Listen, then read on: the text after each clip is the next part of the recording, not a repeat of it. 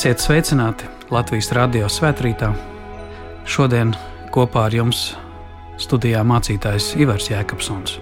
Šī diena baznīcas gadā ir pļaujas svētki, un ieklausīsimies vārdos, kas atrodami Bībeles dziesmu grāmatā, jeb tā saucamā psalmu grāmatā, 65. psalmā.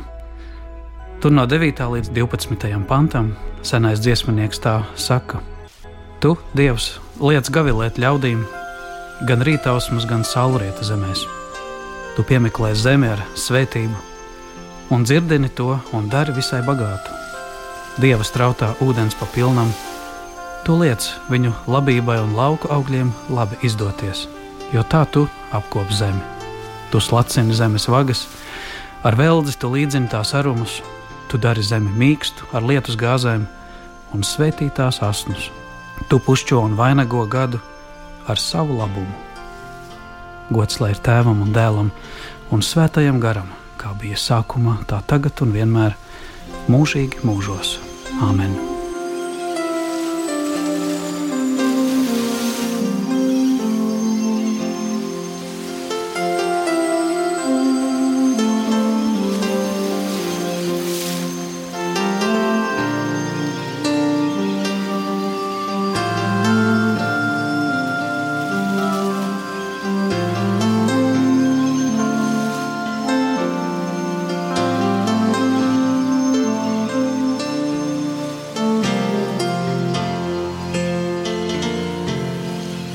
Mēs lūdzam Tevi, Kungs, svētī mūs šī Tava vārda patiesībā. Āmen!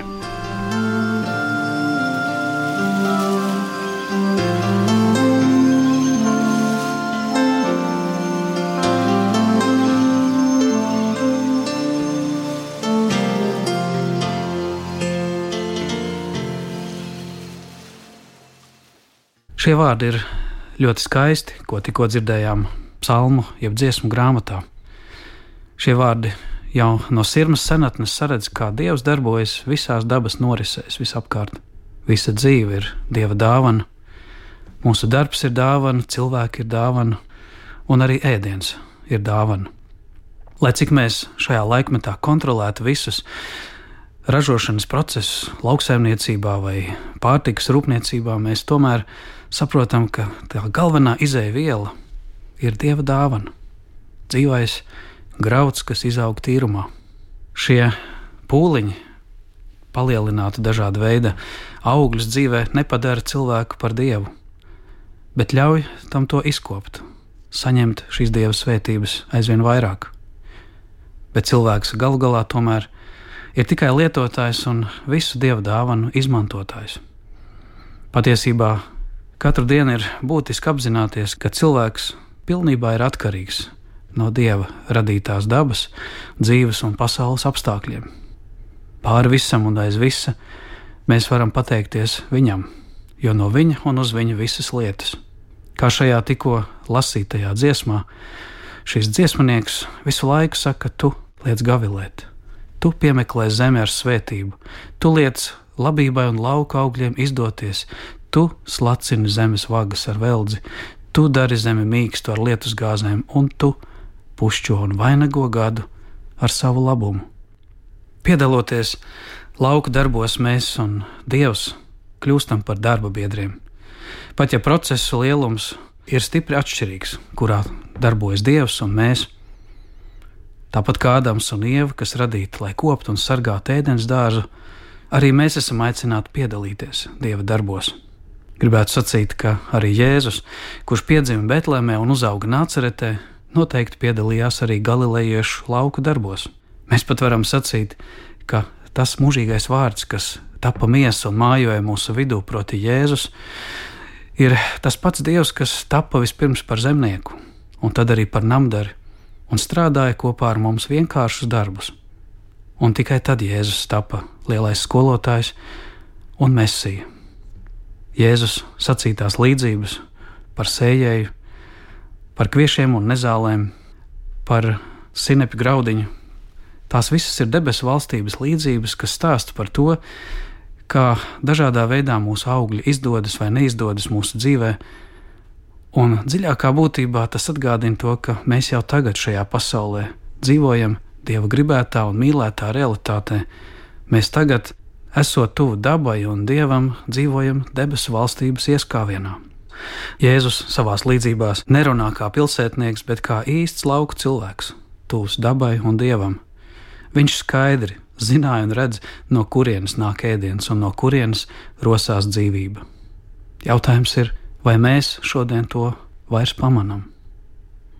Iespējams, ka šodien no dieva un arī no dabas atrauta cilvēka pilsētas ielās, rastos jautājums, kāda naiva bērna sejā, vai tad ēdiens nenāk no leduskapja, vai tad ēdienu neražo veikalā, vai tad traktors tīrumā neliek uzdīgt sēklai. Nē, šī diena mums atkal atgādina, ka raugoties dieva dabas brīnumā, dīkstošās sēklas graudā, mēs nostājamies liela noslēpuma priekšā. Dzīvība, kas nerodas pati no sevis, dzīvības noslēpums, kas nav aklu negadījumu rakstura dabas procesa rezultāts, bet dieva gribēta un mīlēta darbība.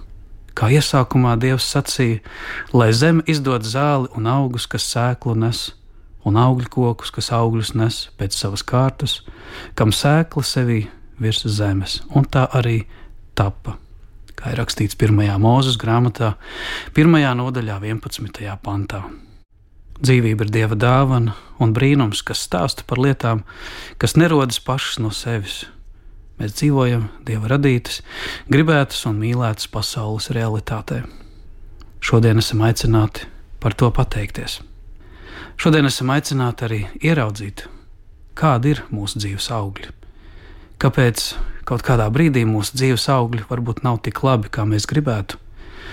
Un vai dzīves augļi ir tikai darbs, nauda un pārtika, ēdiens un dzēriens?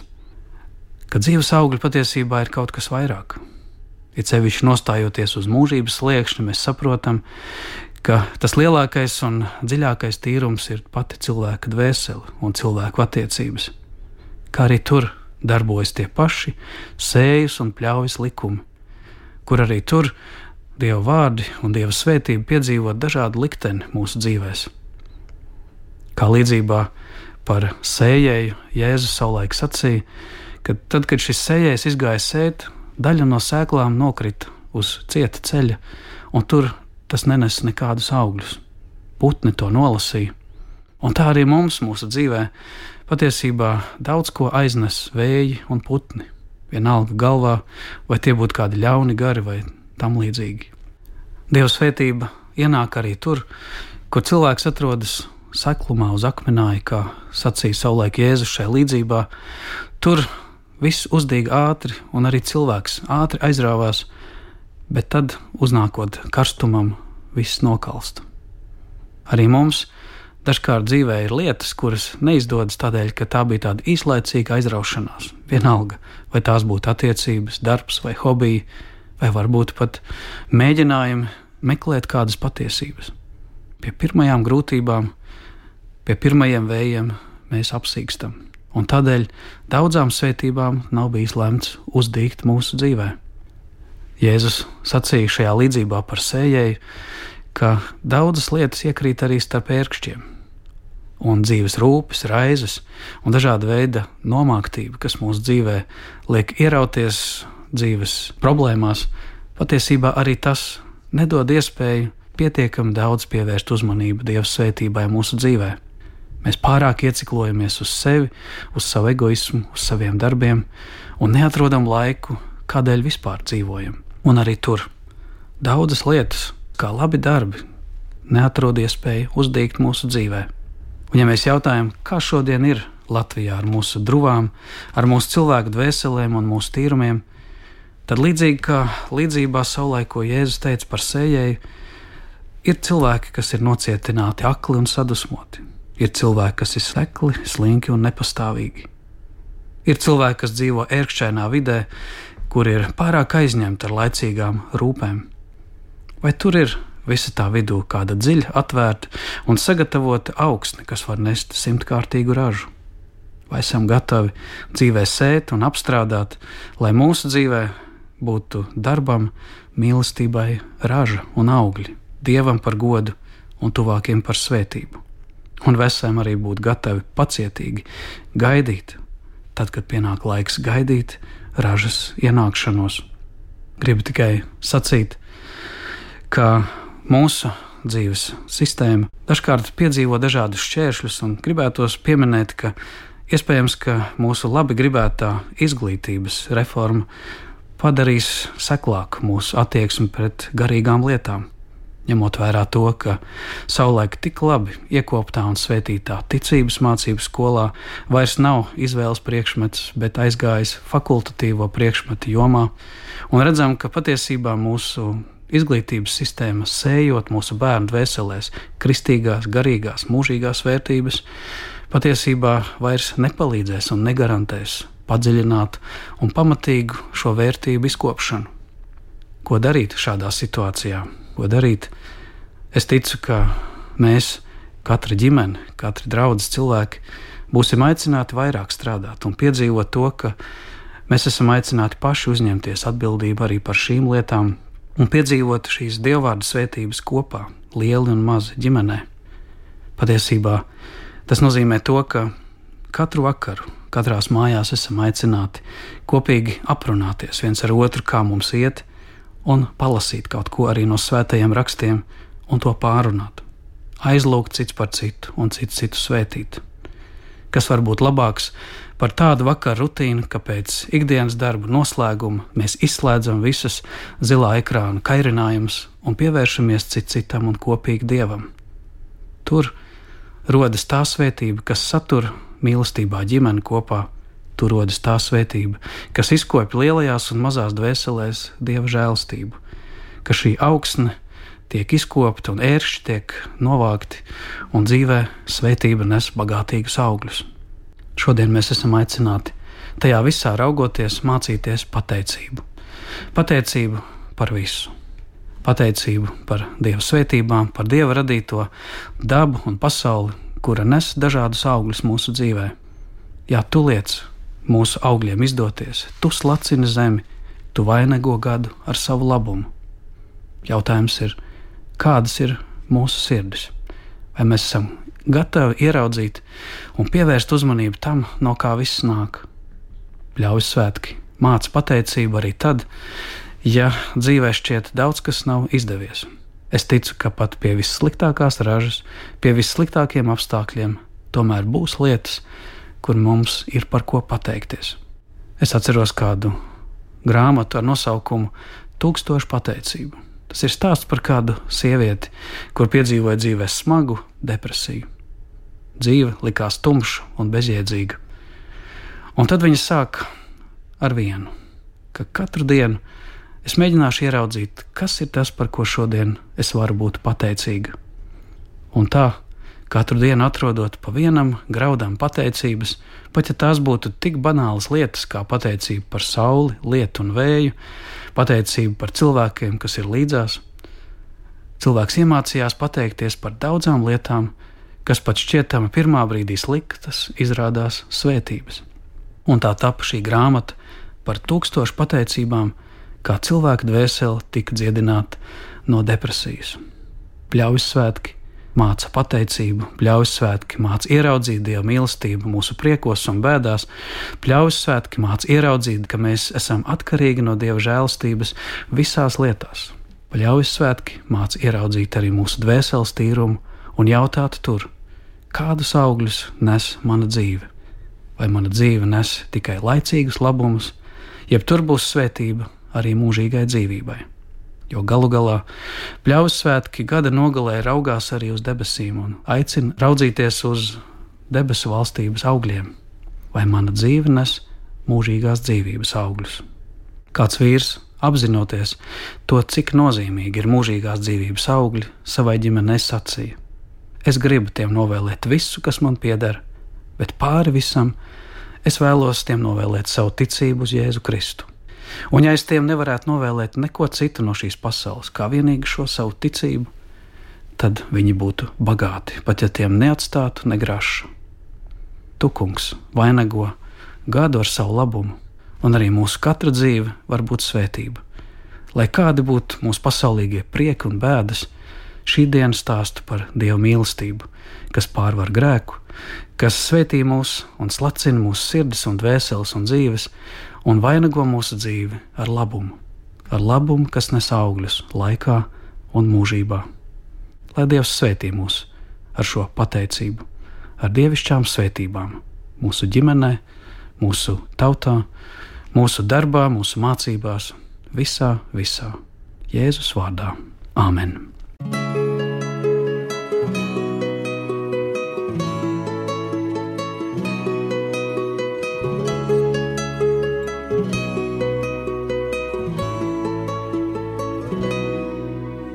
Lūksim Dievu. Visvarenais mūžīgais Dievs Tēvs, Tu pildi mūsu dzīves ar prieku, ar dievišķīgu svētā gara prieku, no tiem augļiem, kas mūsu dzīvē izdodas. Māci mums ieraudzīt to, ko tu dari mūsu dzīvē, un tās svētības, kas katru dienu izlīst pār mums, kā lietus, kā saule, kā ēdiens, kā līdzcilvēki, un pāri visam vēl garīgās un neredzamās un mūžīgās lietas - mīlestība, prieks, miers un dažādi ticības darbi. Palīdz arī mums mūsu dzīvē, sēt, lai pļautu svētību, sēt, lai pļautu to bagātību, kas der arī mūžīgai dzīvībai. Un raugoties uz šo dzīvi, neaizmirst par visu pateikties, kas piepilda arī mūsu dzīvi ar prieku un pagodina tevi, mūžīgais Tēvs. Svetī mūsu zemi, tautu un baznīcu ar visāda veida labiem augļiem arī turpmāk. Jēzus vārdā mēs lūdzam, mūsu Tēvs debesīs, svētīts lai top tavs vārds, lai nāk tava valstība Tavs prāts, lai notiek kā debesīs, tā arī virs zemes. Mūsu dienascho maizi dod mums šodien, un piedod mums mūsu parādus, kā arī mēs piedodam saviem parādniekiem. Un neieved mūsu kārdināšanā, bet atpestī mūs no ļauna. Jo tev pieder valstība, spēks un gods mūžīgi mūžos. Āmen!